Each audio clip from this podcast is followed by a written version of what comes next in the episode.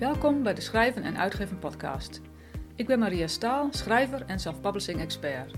In deze podcast breng je interviews, informatie en inspiratie over schrijven, uitgeefopties en marketingideeën voor jouw boek. De show notes en nog veel meer vind je op schrijvenenuitgeven.nl. Luister je mee?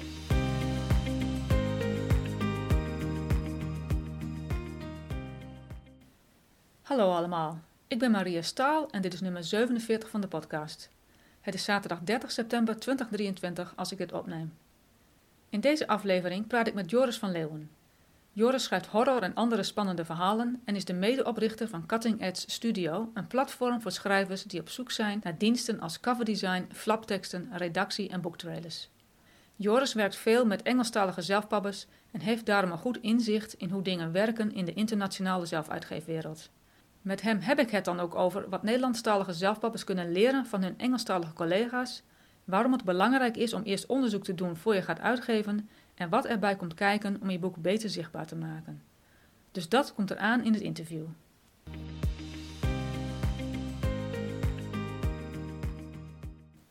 Maar eerst het uitgeefnieuws van de afgelopen maand.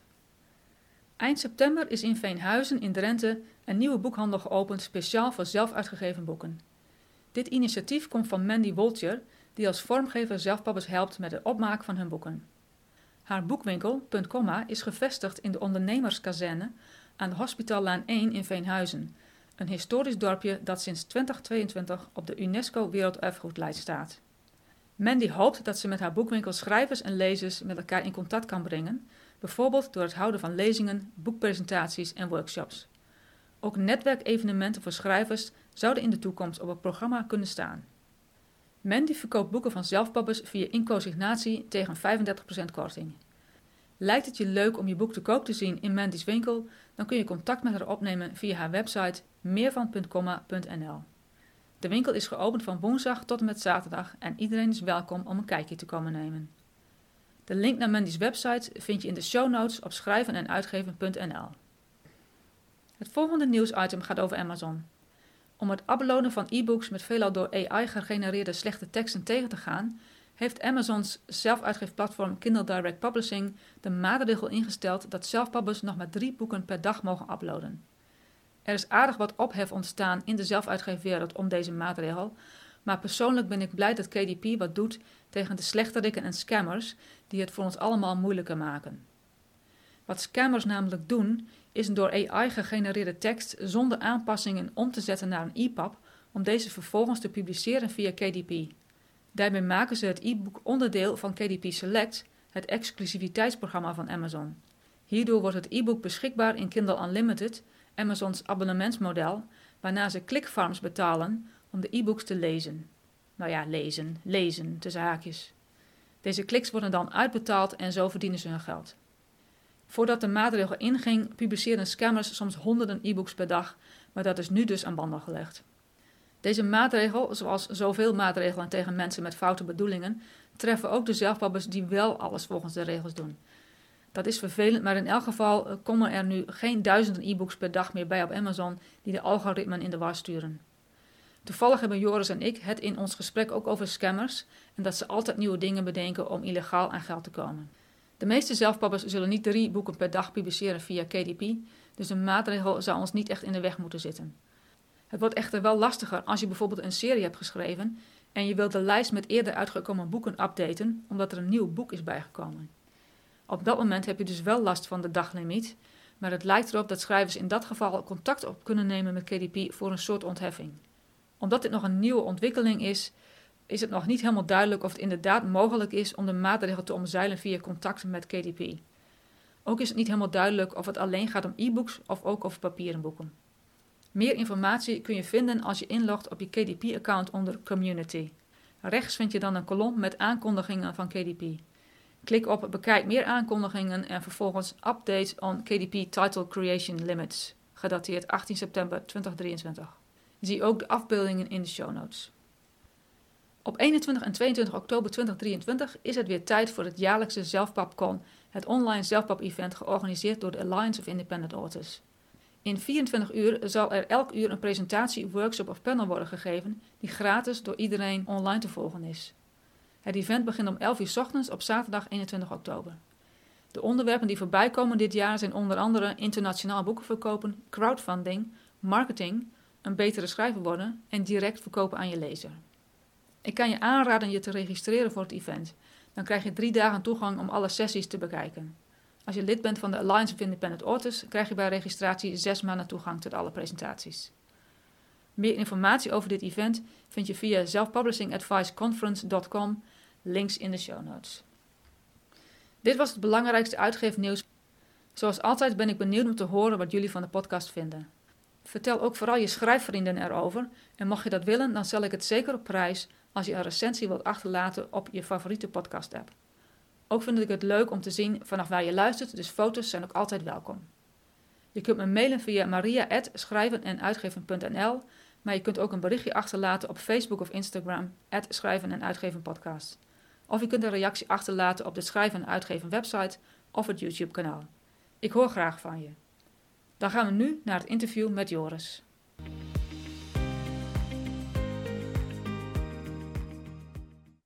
Joris van Leeuwen schrijft horror en andere spannende verhalen onder zijn pseudoniem J. Sharp.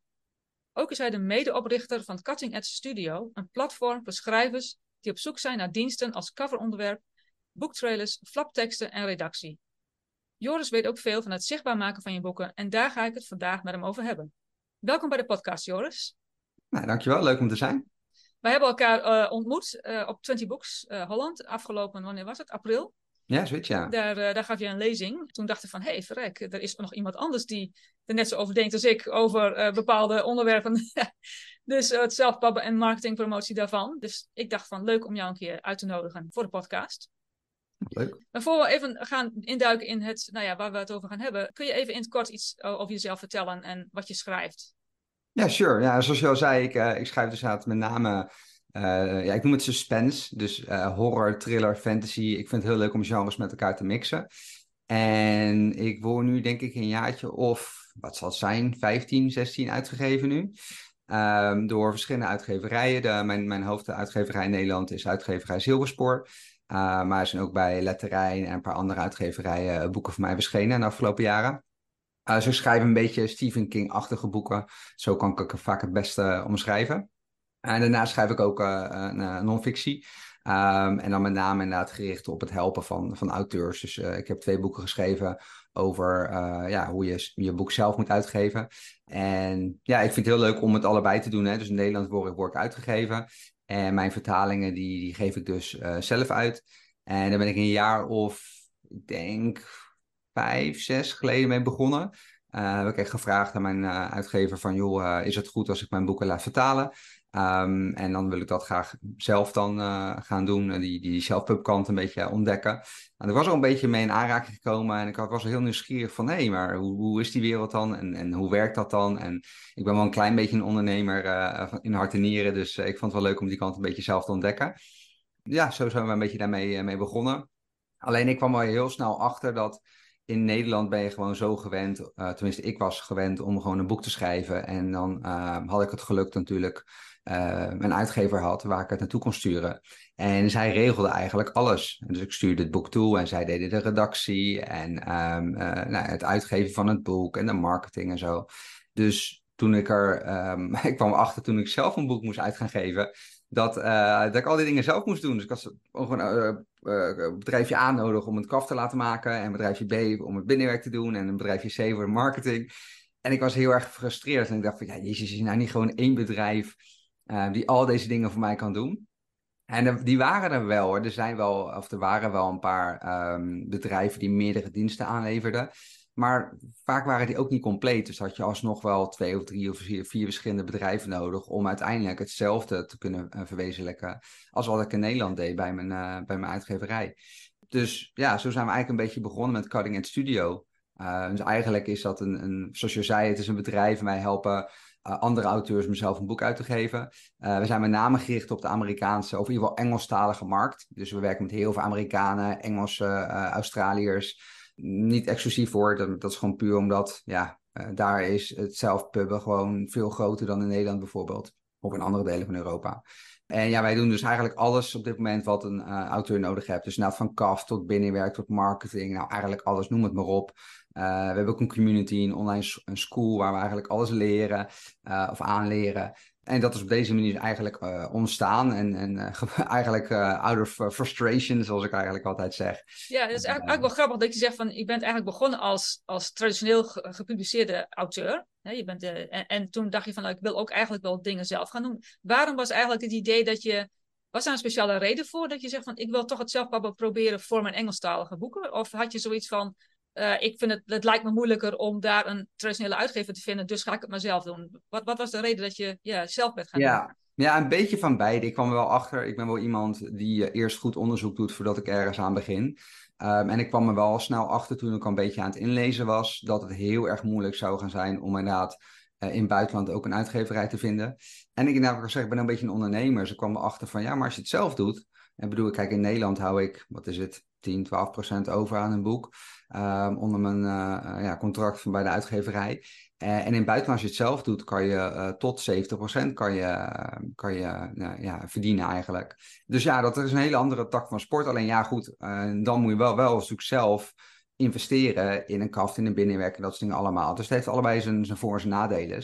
maar ik vond het wel leuk om, om die kant eens te proberen en kijken of dat wat voor mij zou, zou gaan zijn.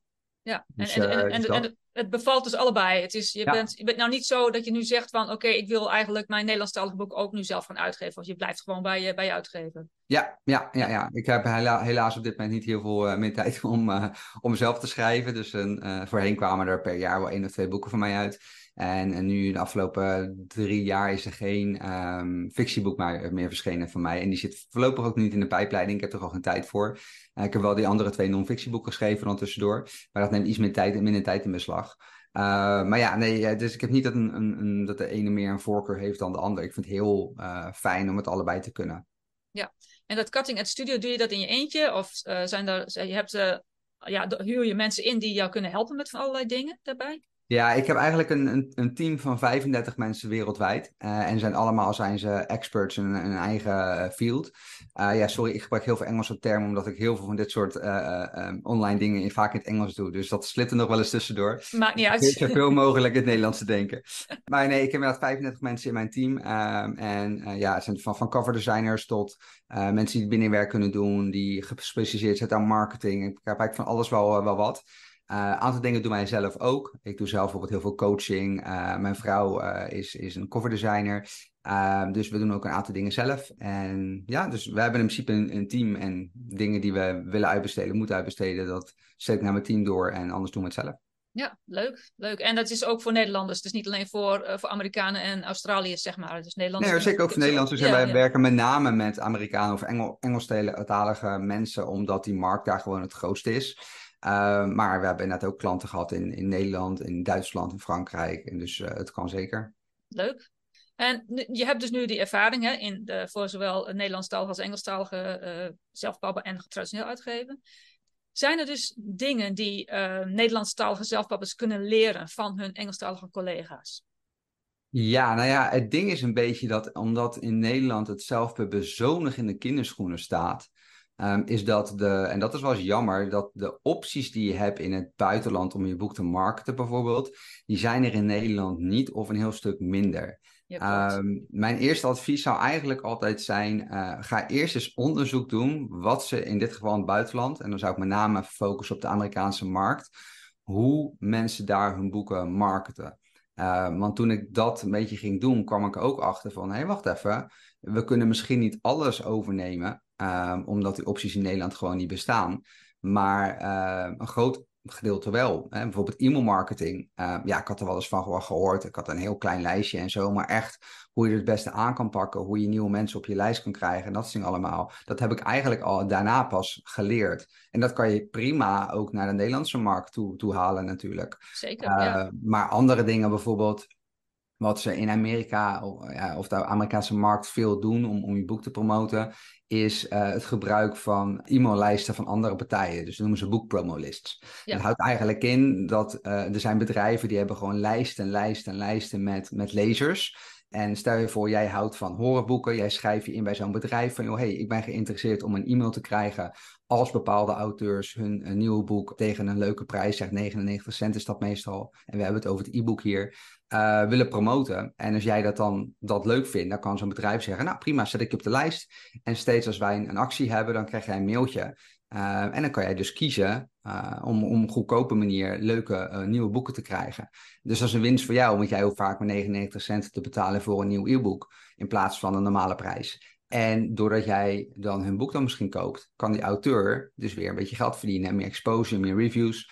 Maar ja, in Nederland heb je dat dus eigenlijk niet, dat soort nee. lijsten. Dus ja, dat heeft allemaal een beetje voor zijn nadelen. Dat is een beetje jammer inderdaad. Je hebt het dan over BookBub en uh, Fuzzy ja. Librarian en er zijn wel een aantal meer. Er zijn er echt een hoop, ja. En, ook, en in Nederland is dat gewoon niet. En dat is eigenlijk wel heel erg jammer inderdaad, ja. dat je die, dat die mogelijk, dat is een belangrijke mogelijkheid die je hier niet hebt. Ja, we zijn wel wel zoiets bezig trouwens. Misschien wel, wel leuk. Er zit iets okay. in de uitleiding waar we, uh, waar we zoiets ook willen gaan uh, van, maken voor de Nederlandse van, markt. Maar... Ja, van, vanuit jullie, vanuit Cutting Edge Studio. Ja, ja, ja, in combinatie oh. met een, uh, een, een, een goede vriend uh, van ons. Die heeft ook een eigen bedrijf. En uh, die, het, het, plan is daar. Dus hopelijk kunnen we binnen niet al te lange tijd kunnen we daar een mooi opzetje mee gaan maken. Maar goed, dat, dat zit nog in de pijpleiding. Heel interessant. Ja, dat zou erg interessant zijn inderdaad voor Nederlandstalige zelfpappers. En ja. dus mocht dat ooit uitkomen, dan moet je me even een belletje geven. Dan doen we daar nog een keer een podcastaflevering over. Ja, komt goed. Hartstikke leuk. Je hebt het over e-book. Denk je dat, dat de Amerikaanse of de, de Engelstalige markt meer gericht is op, op e-books dan op papieren boeken? Of... Nou, ik denk niet, per se de Engelse markt is. Dat is gewoon een beetje waar de wereld naartoe gaat natuurlijk. Ik bedoel, mensen lezen veel meer in Nederland ook veel meer e-books in plaats van paperbacks. Uh, luisterboeken is ook een heel groot ding aan het worden.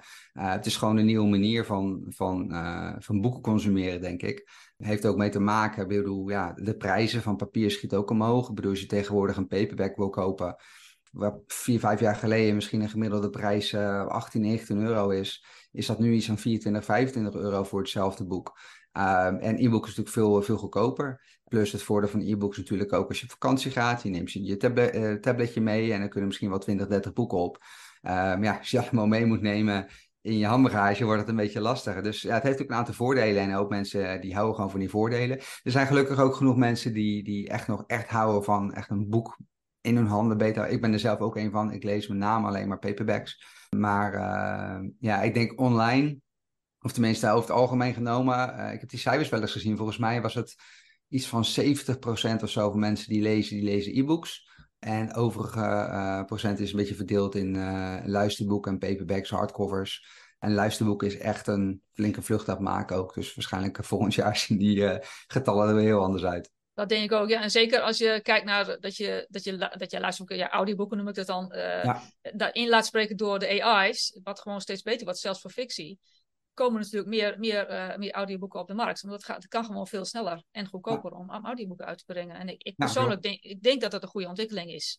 Het is niet, uh, ja, ik denk niet dat het, kijk, oké, je hebt een stemacteur die zijn baan kwijtraakt, maar dat denk ik niet, want er zijn domweg niet genoeg stemacteurs om al die boeken in te spreken die er in de wereld worden uitgegeven. Dus ja, je kunt een, je kunt een premium uh, audioboek laten inspreken door een stemacteur. Uh, en dan een, een, van hetzelfde boek een, een AI-ingesproken uh, versie doen, een digitaal ingesproken versie doen, die je goedkoper verkoopt. En dat je het ook duidelijk aan de lezer maakt van oké, dit is, dit is een, een premium, daar betaal je meer voor, maar dan krijg je wel de stemacteur. En deze, voor deze is goedkoper. En, nou ja, dus er zijn meerdere mogelijkheden. Ja. En ik denk van ja, dat is wel iets wat rap gaat veranderen, denk ik, de komende mm, jaar, anderhalf. Als ik dat ja, en ik denk ook of je het nou leuk vindt of niet, het is niet tegen te houden. En wat je zegt, de AI's worden gewoon steeds beter. Dus op dit moment vind ik nog wel dat ze de, de stemmen worden wel beter, maar je kan de intonaties kunnen ze nog niet echt goed, uh, goed doen, vind ik. En daar is een stemacteur echt nog wel uh, een groot voordeel, uh, heeft een groot voordeel daarin. Maar goed, dat gaat ook niet heel lang meer duren. Geef dat ook nog een jaartje of twee en, en dat is bijna niet meer van echt onderscheiden. Um, dus ja, doe, doe er je voordeel mee, zou ik zeggen. En ook dat, het heeft allemaal zijn voor- en nadelen. Sommige mensen raken hun baan kwijt. Ja, dat is, dat, dat is het allemaal zo. En dat vind ik ook met, kijk, met wat wij met Edge Studio doen. Um, een aantal dingen, een aantal diensten die wij nu aanbieden, zullen wij over een jaar of twee of drie waarschijnlijk niet meer aanbieden of anders moeten aanbieden, omdat uh, ja, mensen dat zelf kunnen met, met AI's. Dus ja, ja dat, is dan, dat is dan maar zo. Ja, ja, en dan heb je misschien over redactie. Alhoewel op dit moment, ik denk dat je toch altijd nog een human touch nodig hebt voor redactie. Uh, op dit moment in elk geval wel, misschien later niet. Maar Want als ja, ik denk in eerste instantie meer uh, kaften. Je ziet heel veel auteurs die een kaften gaan maken met AI. Um, en ja, er zitten echt wel pareltjes tussen. En normaal zijn dat is, ik, hoor, ik zeg het heel vaak in dit interview, maar ook dat is weer voor- en nadelen. Ik bedoel, als je met een cover designer werkt, heb je, heb je meer mogelijkheden om dingen aan te passen. En uh, met AI is het meer van, ja, je typt iets in, je krijgt iets en kan misschien kleine aanpassingjes doen, maar je kan het niet 100% zo krijgen als je zelf, uh, zelf wilt. Uh, maar goed, daarentegen is het misschien wel een stuk goedkoper. Dus ik denk in eerste instantie met de kaf te maken gaat krijgen, maar daarna wordt het ook iets als, als, als flapteksten. Mijn redactie komt er uiteindelijk ook aan. Dus ja, dat, dat gaat al best wel, best wel snel. Dat gaat snel, ja, die ontwikkelingen gaan echt razendsnel. En ik, ik denk dat wij aan de, aan de vooravond staan van gigantische veranderingen, ook creatieve veranderingen binnen ons vakgebied, zeg maar het schrijfvakgebied en uitgeven. En waar wij als zelfpabbers enorme voordelen mee gaan hebben. Ja. Dat, is, dat, is wat, dat is wat ik denk. Maar ik ben, zoals ik het noem, uh, en Joanna Penn dat ook noemt, AI-positief. dus ik ben, uh, ja, dus dat, ja, ik, kijk daar op een positieve manier tegenaan. Uh, Oké, ik weet ook zeker dat AI ook negatieve effecten heeft. En daar maak ik me zeker ook wel zorgen om. Maar ik denk voor ons dat, het, ja, dat, het, dat er ook heel veel dingen. Ik denk dat het voor ons veel voordelen kan gaan opleveren waar wij, waardoor wij misschien meer geld kunnen gaan verdienen en misschien uh, zelfstandig kunnen worden als schrijver, hè? zelfstandig schrijver of, of hoe noem je dat, uh, fulltime hè? schrijver. Ja.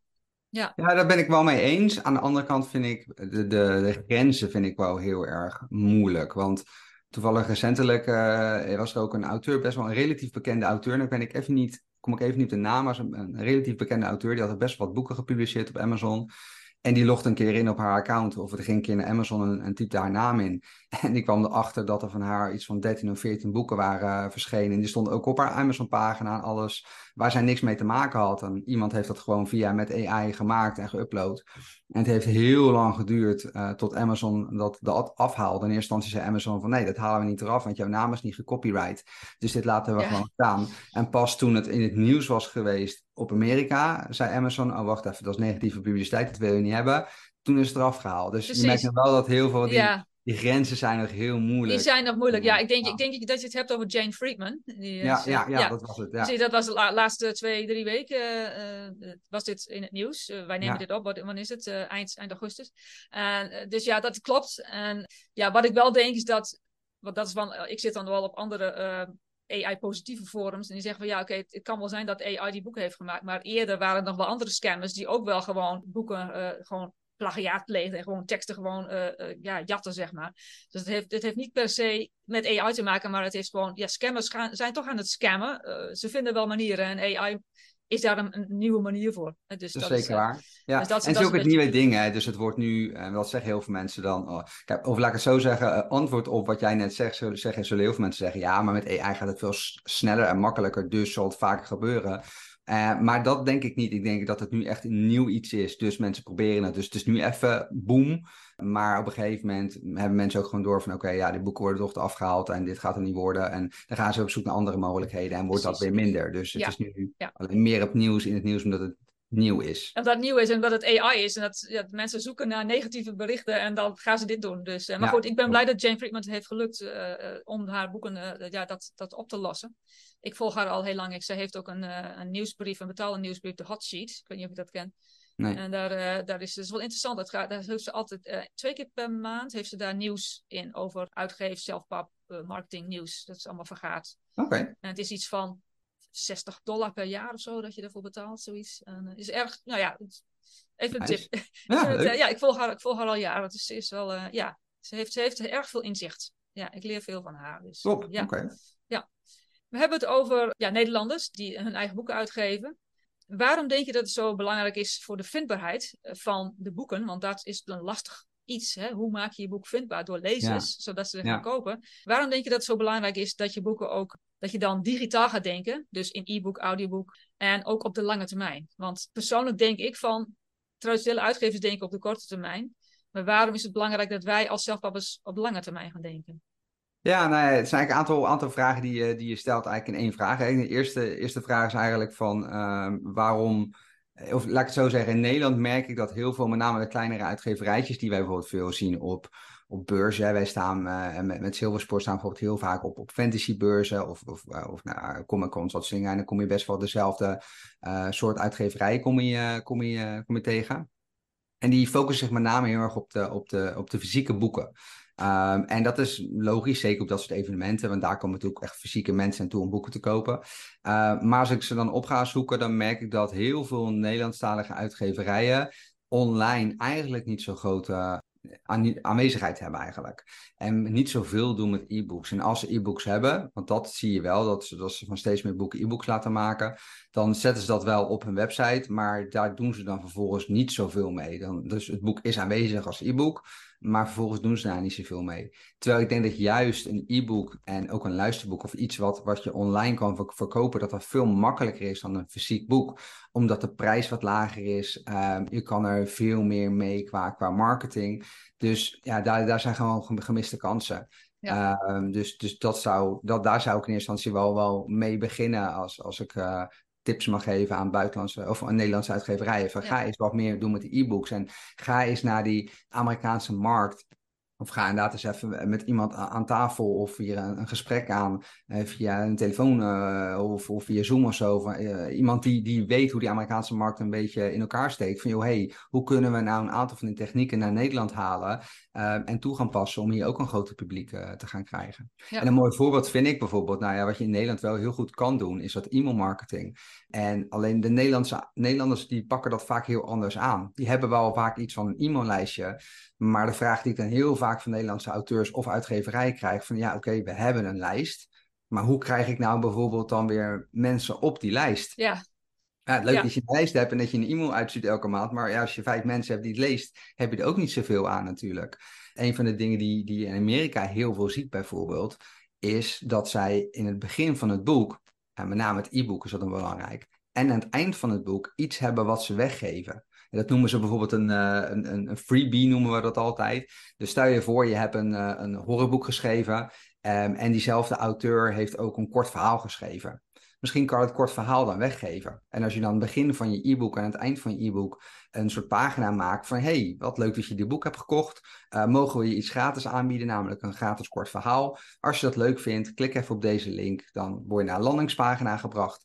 En op die landingspagina vullen ze dan hun naam en e-mail uh, in. En zodra ze dat hebben gedaan, krijgen ze automatisch um, een soort welkomstmailtje met dat korte verhaal. En dan heb jij als uitgeverij of als auteur, als je het zelf uh, privé doet, heb je een e-mailadres. En zo kan het een beetje uh, gaan, gaan uitbreiden. Gaan opbouwen, en, ja. En die techniek zie je in Nederland eigenlijk niet zoveel. Terwijl het heel makkelijk op te zetten is. En je kan het allemaal automatiseren. Ja. Uh, dus dat is het hele, heel mooi systeem. Ja. Wat je bijna niet ziet gebeuren. Wat, wat ik veel zie bij Nederlandstalige zelfpabbers. Is dat ze zeggen van ja, ik, ik, ik, ik, ik weet ten eerste weet ik niet wat ik in een nieuwsbrief zou moeten zetten. Ja. En ten tweede zeggen ze van ja, ik hou, niet, hou er niet van om e-mail te ontvangen, dus dan wil ik ook geen e-mail versturen. En dan denk ik van ja, maar dat jij geen e-mail wil ontvangen, wil niet zeggen dat je lezer geen e-mail wil ontvangen. Klopt. Je, je, lezer wil natuurlijk graag iets van jou horen, want die is geïnteresseerd in jouw boeken, in ja. jou als schrijver, in je proces, whatever. Dus zij willen juist wel wat van je horen. En het hoeft ook niet elke dag, zelfs niet elke week. Eén keer per maand is al voldoende. Hè? Dus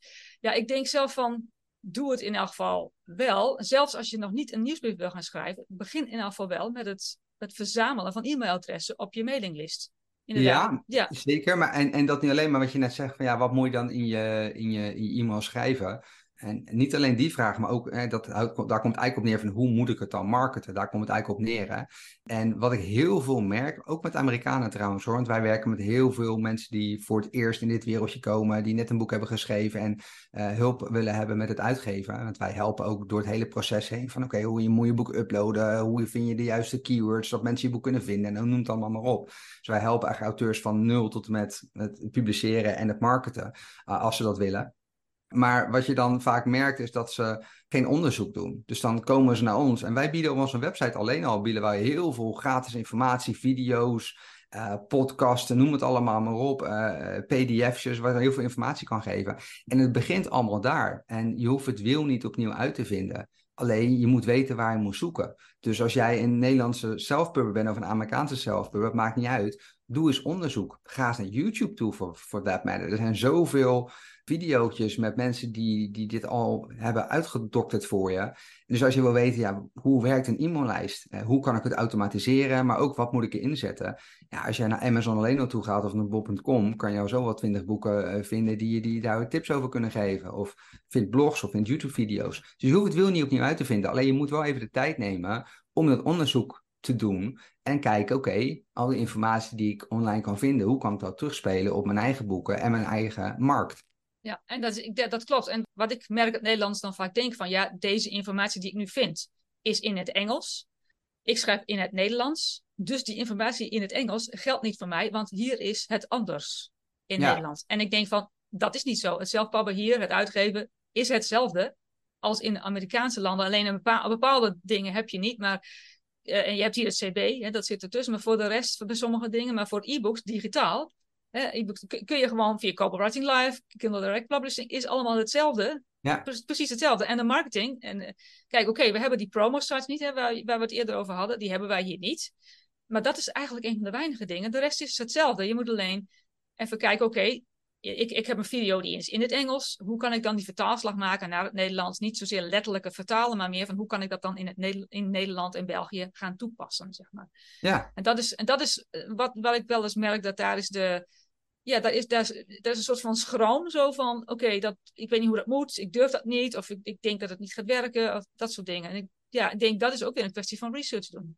Ja, en, ik vind dat heel veel Nederlandse zelf hebben de handdoek zo snel in die ring gooien. En dan, dan, ik bedoel, ik zit niet heel veel met Facebook tegenwoordig, maar en het is ook even de reden waarom ik niet meer Facebook zit. Want ik zit natuurlijk heel veel van dat soort groepen. En hoe vaak van die self-pubbers dan zeggen: Ja, en ik heb nu al twee, drie boeken geschreven. En ik sta op heel veel evenementen. En, en op evenementen doe ik het dan wel redelijk. Maar daarbuiten doe ik, uh, gebeurt er eigenlijk niks. Dan denk ik bij mezelf: van ja, dat is allemaal leuk en aardig. Maar als jij zelf geen, uh, geen actie onderneemt en het niet market, dan zeggen ze vaak inderdaad van, ja, maar ik weet niet hoe ik moet marketen. Ja, doe je onderzoek. Weet ja, je? precies. doe je onderzoek. Begin, begin eens daarmee. En ik bedoel, je kan wel allemaal gaan zuchten en steunen en kreunen, maar als je zelf geen onderzoek doet en geen actie onderneemt, er is niemand voor je die het gaat doen. Want ja, je bent zelfpubber, je doet het alleen. Ja, ik, ik, denk dat er, ik denk dat er ook meespeelt dat mensen denken van, oké, ik wil alleen maar een zakcentje verdienen. Ja. Dus, dus het is een hobby, dus hoef ik daar geen tijd en geld en energie in te steken. Terwijl ik denk van op het moment dat jij jouw boek op bol.com verkoopt voor geld, heb je een bedrijf, ben je een ondernemer, dan zul je professioneel moeten gaan denken. Dat wil niet zeggen dat je daar bultig geld in moet gaan investeren, maar je lezer verwacht een bepaald, uh, die verwacht een bepaald boek op het moment dat jij er geld voor vraagt. Dan is het ook belangrijk dat je daar je best voor doet, dat het zo goed mogelijk uitziet. Ja, nou, ik vind het wel leuk dat je dat zegt, want je merkt inderdaad ook, met name in de self-pubbers en zeker in de Nederlandse markt, is dat ze, ze willen inderdaad wel het eindresultaat, ze willen inderdaad een boek en het liefst willen ze er geld mee verdienen. Trouwens, dit zie je op de Amerikaanse markt ook hoor. Maar um, ze snappen niet dat ze daar wel voor moeten investeren. En dat, een kaft is een heel mooi voorbeeld daarvan. Vaak maken ze zelf een kaft, want ja, het kost heel veel geld om een kaft te maken. En ik wil geld verdienen, niet geld uitgeven, denken ze dan. Dus dan gaan ze zelf een kaft maken. Maar volgens is die kaft zo niet professioneel dat niemand dat op gaat pakken. En zeker op de Nederlandse markt. De Amerikaanse markt is nu zo gewend aan, aan self-pubben. Sterker nog, voor mij 80% van de boeken die uitge, uh, uitgekomen in, uh, in Amerika zijn van self-pubbers. En die kwaliteit is net zo goed, misschien zelfs nog wel beter dan de traditionele tegenwoordig. In Nederland lopen we echt nog wel 10, 20 jaar achter in die zin. Dus als jij uh, een, een Nederlandse lezer denkt nog sneller van, hey, wat dit boek is van de self-pubber, dus het zal wel niks zijn. En in de Amerikaanse markt is dat al wat minder. Maar omdat je nog een beetje met, met dat uh, vooroordeel zit in Nederland, moet je er juist voor zorgen dat jouw kaft, jouw binnenwerk, je editing, eigenlijk het hele pakket minstens zo goed is als van een professionele uitgeverij. Misschien wel meer. Maar ja, dat kost geld. Dat, ja. Maar als je dat dan niet investeert, van ja, ik moet er geld mee verdienen en niet, uh, niet geld mee verliezen. Ja, als je zo'n insteek al hebt, begin er dan niet aan maar daar, daar heb je er niks aan. Tenminste, als je een boek uit wil geven en daar ook iets mee wilt. Kijk, er zijn er genoeg mensen die hebben bijvoorbeeld een memoir geschreven. En die vindt het al prima als ze gewoon een, boek in hun eigen boekenkast kunnen zetten. En dat hun vrienden en familie een aantal kopietjes kunnen, kunnen krijgen. Ja, dan maakt het de kwaliteit van een kaft of binnenwerk ook helemaal niet uit. Ja, vrienden en familie vinden het toch al helemaal te gek dat je een boek hebt geschreven. En als dat jouw einddoel is, helemaal prima.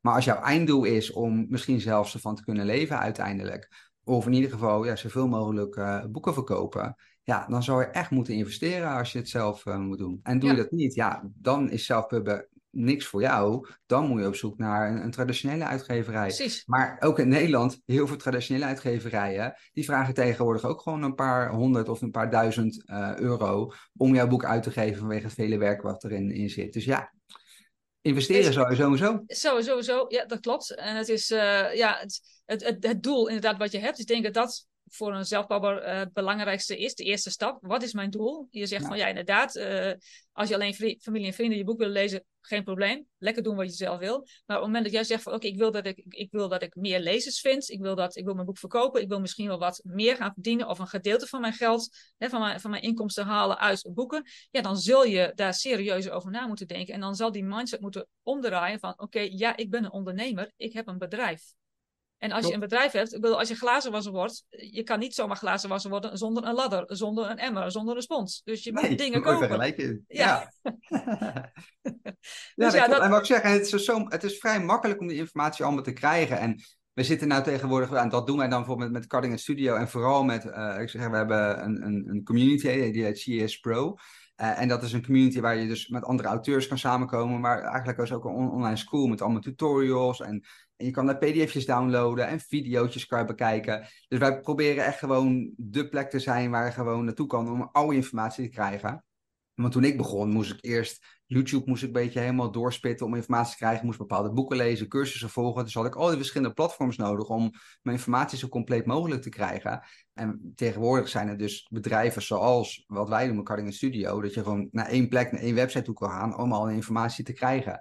Je kan ook samenwerken met een coach, weet je wel. Iemand die je gewoon persoonlijk naar je boek kijkt en naar jou kijkt mhm. en in jouw situatie kijkt en daar tips mee geeft. Dus ja, nogmaals, je hoeft het wiel niet opnieuw uit te vinden. Alleen ja, doe wel je werk. Uh, wil je inderdaad, wil je, wil je iets mee doen met je boek. Precies, ja, helemaal mee eens. Wat zijn de drie dingen die uh, een zelfbouwer in elk geval moet doen om hun boek goed zichtbaar te maken, denk je?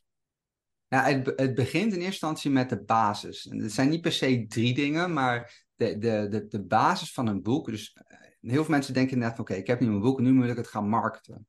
Um, en vaak als ze dan naar ons toe komen van hey, dit is mijn boek, um, hoe kan ik dit nou best? De, het eerste waar wij naar kijken van ja, is je basis wel goed? En de basis is in principe je kaft. Dus heb je, wat ik al zeg, heb je een kaft die er professioneel mogelijk uitziet. En even on een side note, het maakt echt niet uit wat er op die kaft staat. Dat zie je met name met heel veel fantasy-auteurs zien. Oh, ja, want ik heb een bepaalde scène in mijn hoofd en dan moet dit. En, en, en, en de, de kleur van die ogen van het hoofdpersonage op de kaft klopt niet helemaal hoe ik het in mijn hoofd heb. Ja, weet je, heel veel auteur, of, uh, cover designers werken met stokfoto's. Dus soms is het lastig om precies iets na te maken wat jij in je hoofd hebt. En vaak kan het uiteindelijk wel, alleen de vraag is of je het wilt. Dus wat op de kaft staat is niet belangrijk. Uh, een kaft heeft eigenlijk maar twee objecten. En dat is, het moet, je moet zorgen dat het professioneel uitziet. En je moet, het moet zorgen, je moet zorgen dat op het moment dat mensen naar je kaft kijken, dat ze precies weten vanaf de eerste seconde wat voor soort boek het is, wat voor soort genre het is. Dat zijn de enige twee dingen wat belangrijk is. En voor de rest wat erop staat, is eigenlijk allemaal niet zo, uh, niet zo super belangrijk. Maar het begint dus met je kaft. Als dat dan niet professioneel is, dan kan je al het marketinggeld er tegenaan gooien wat je hebt. Dan gaat het nooit niet worden. Tweede is je, je flaptekst. Ehm, zeker als je gaat bijvoorbeeld, uh, als je gaat marketen en je, je kan bijvoorbeeld, uh, nou stel je gaat adverteren. Je zou misschien kunnen adverteren op Facebook. Vaak als je gaat adverteren, zien mensen je, je kaft, ehm, je prijs en misschien hoeveel sterren die je hebt. En als mensen dat tof vinden, dan klikken ze misschien door en dan komen ze op een landingspagina, of nou op Amazon is of op je website. En dan gaan ze vaak je flaptekst lezen. En je flaptekst is hetgene wat ze uiteindelijk overtuigt om wel of niet um, je boek te kopen. En in een flaptekst is het met name op de Amerikaanse markt, als je op de Amerikaanse markt wil gaan markten uiteindelijk. Maar dit principe werkt in Nederland eigenlijk net zo. Het gaat er niet alleen om dat je een samenvatting geeft van je boek. Wat ik heel vaak merk, uh, mis in Nederlandse flapteksten, is ja, maar wat voor soort boek is dit nou eigenlijk? Dat je op de een of andere manier wel even vertelt wat voor soort genre is het. Als jij uh, uh, houdt van, uh, in mijn geval, hou je van Stephen King boeken, nou dan ga je mijn boeken waarschijnlijk ook wel tof vinden. En dat hoef je niet letterlijk zo in te zetten, maar dat kan je wel op een beetje slimme manier kan je een beetje inzetten. maar bijvoorbeeld ook, dat noemen we in het Engels een hoek. Dus de eerste zin, dat je echt mensen naar binnen sleurt van weet je wat, van oh wacht eens even, ik, lees een hele spannende zin, ik wil de rest van de flaptekst wil ik nu ook echt lezen van wat is dit? Um, dus er zijn ook technieken hoe je goede flapteksten kan, uh, kan schrijven. En dat mis ik vaak nog wel op de Nederlandse, uh, Nederlandse markt. Um, dus we hebben het over kaften, we hebben het over flapteksten. Nou, ik noem het ook wel de prijs. Je prijs moet dan wel een beetje hetzelfde zijn, of in ieder geval competitive genoeg met je, met, met je, met je tegen, tegenstanders. En heb je reviews. dat is ook belangrijk. Ik bedoel, alles wat wij online kopen, of het nou een stofzuiger is, of boeken, of een, een televisie. Ja, je hebt meerdere opties. Als jij op zoek bent naar een horrorboek, krijg je er 20.000 voorgeschoteld. Ja, waarom kies jij een bepaald boek? Nou, denk maar zelf na. Als jij een bepaald boek zoekt, je gaat kijken, hey, spreekt de kaft me aan? En mensen die zeggen, ja, uh, don't judge a book by its cover, dat is gewoon onzin. Dat mensen onzin. Gewoon, dat werkt gewoon. Dus ja. wat is, is die, spreekt de kaft me aan? Nou, flaptekst, waar gaat het boek over? Lijkt me dat leuk. Uh, is het een beetje betaalbaar, maar ook heeft het een beetje reviews. Ik bedoel, wat vinden andere mensen van het boek? Ik zeg altijd, als je minder dan pak een beetje 10 reviews hebt, met uh, als, als 5 dan de max is, kan krijgen, moet het, je boek minimaal toch wel een gemiddelde star rate hebben van iets van 4, zeg ik altijd. Um, heb je minder dan 10 reviews met, met vier of meer gemiddelde star reviews, dan hoef je nog niet te gaan marketen. Dan heeft het eigenlijk geen enkele zin. mensen drukken vaker dan niet op het bij mij knopje, want ja, je hebt gewoon nog steeds geen, geen, geen reviews.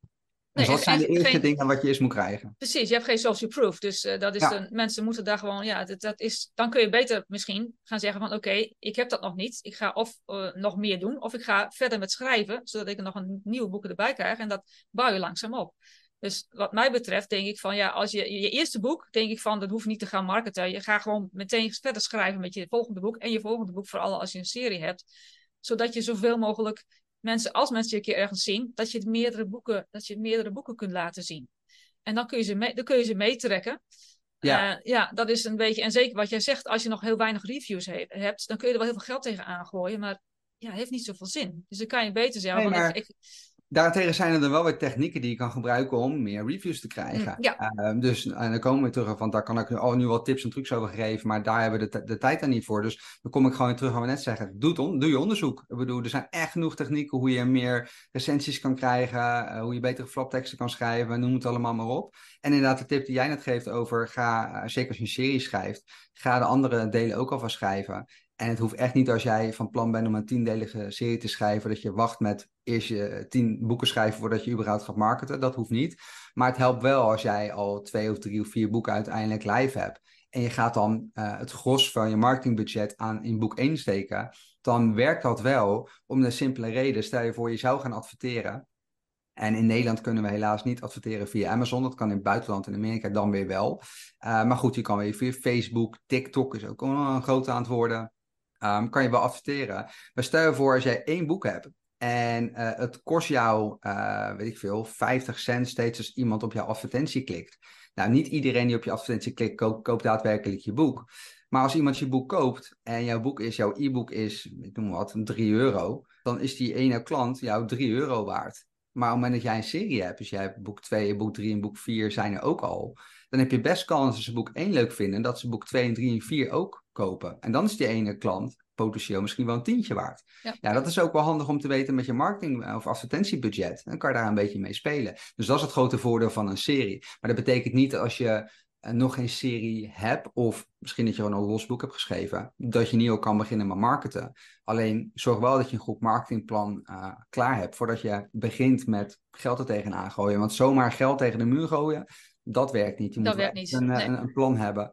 Uh, en helaas is het ook wel zo met zelfpubben wat voor mij werkt, hoeft niet voor jou te werken. Dus of een, een boek een succes gaat zijn, het heeft heel veel verschillende factoren. Uh, sowieso de eerste vier dingen die ik net opnoemde, dus kaft, binnenwerk, uh, van uh, boekdescription bedoel ik, prijs, reviews. maar ook, ja, hoe is een boek goed, goed geschreven? Is ook überhaupt een, een belangrijke. Precies, en uh, genre, genre helpt Genre, inderdaad. Beetje geluk ook wel. Juiste moment, juiste plek. Ik bedoel, er zijn zoveel verschillende dingen. Dus ook al zouden we exact hetzelfde boek gaan uitgeven, als we dat op verschillende tijden doen, maar misschien iets andere technieken, kan, kan het een heel verschil al uitmaken. Uh, dus ik zeg altijd, als er ook maar iemand is, een bedrijf of een persoon of wie dan ook, Um, die zegt van ja, werk met ons samen, wij gaan jouw boek echt een succes maken. Ik zeg altijd, ren zo, zo hard weg als je kan. Want ja, dat, garanties kan, kunnen niet gegeven worden. Wat je wel kan krijgen is, je kan wel uh, werken met mensen die dit op een dagelijkse basis doen. Um, die veel ervaring hebben, waardoor de kans van slagen veel groter is. dat wel. Maar garanties zijn er niet te, uh, niet, uh, niet te geven in deze wereld. Nee, Nee, helaas niet. Nou, we zijn uh, door de tijd heen, helaas. Maar uh, volgens mij kunnen we hier. Snel. Ja, gaat heel snel. We, we, kunnen hier heel lang over praten. Ja, echt wel. Uh, dus, en dat, misschien dat we het ook nog wel eens een keer gaan doen. Um, even voor, voor de luisteraars. Waar kunnen mensen meer vinden over jouzelf en Cutting Edge Studio? Ja, als je naar www.cuttingedgestudio.com gaat en dan cutting-edge-studio, er zitten dus streepjes tussen, tussen de Cutting Edge Studio. Uh, dan vind je me vanzelf. Um, en als je googelt en je doet, doet Cutting Edge Studio en Book Services, dan komen er, komen er vast ook wel Um, en um, ja, zijn er mensen die, die, hier naar luisteren en zoiets hebben van ja, ik wil gewoon überhaupt inderdaad, hè, wat net over het onderzoek, ik wil meer te weten komen over deze markt. Uh, dus niet alleen over Cutting Edge Studio en wat wij, wie wij zijn en wat we doen, maar ik wil gewoon meer informatie hebben. We hebben heel veel gratis video's en dingetjes en informatie op onze website staan. Dus ja, neem rustig eens een kijkje en uh, ja, wees vrij om contact met ons op te nemen als je ook maar een vraag hebt over het, het uitgeven, marketen en noem het maar op ja, ja, het is een hele uitgebreide, hele uitgebreide website. Ik heb het uh, bekeken, dus dat is, uh, dat is erg leuk. En mensen, uh, over jouzelf, waar, mensen, waar kunnen mensen je boeken vinden? Bob.com is vaak het makkelijkste. Als je mm -hmm. gewoon naar J Sharp in, in type, typt, dan kom je me vanzelf tegen. Ja, hartstikke goed. Nou, dankjewel voor al deze informatie en wie weet tot de volgende keer. Helemaal goed.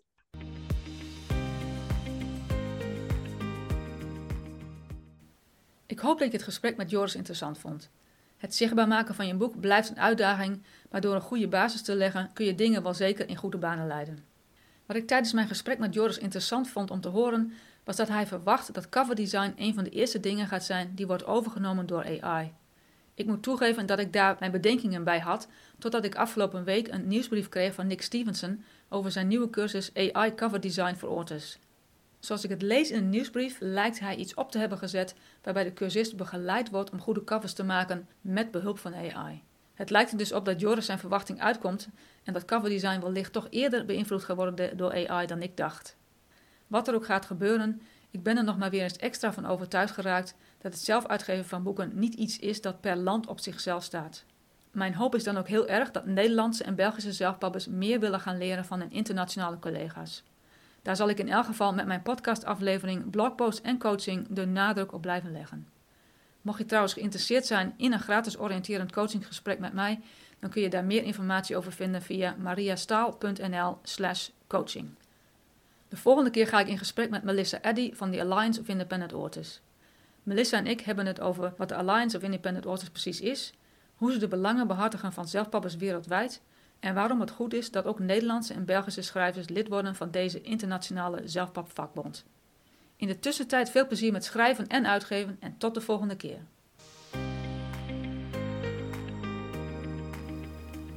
Bedankt voor het luisteren. Ik hoop dat je het leerzaam vond. Eerdere afleveringen en show notes kun je vinden via schrijven en uitgeven.nl. Hier vind je ook de uitgetypte versies van de interviews. Wil je in contact komen of heb je een vraag? Stuur me dan een berichtje via Facebook of Instagram, schrijven en uitgeven podcast. Tot de volgende keer.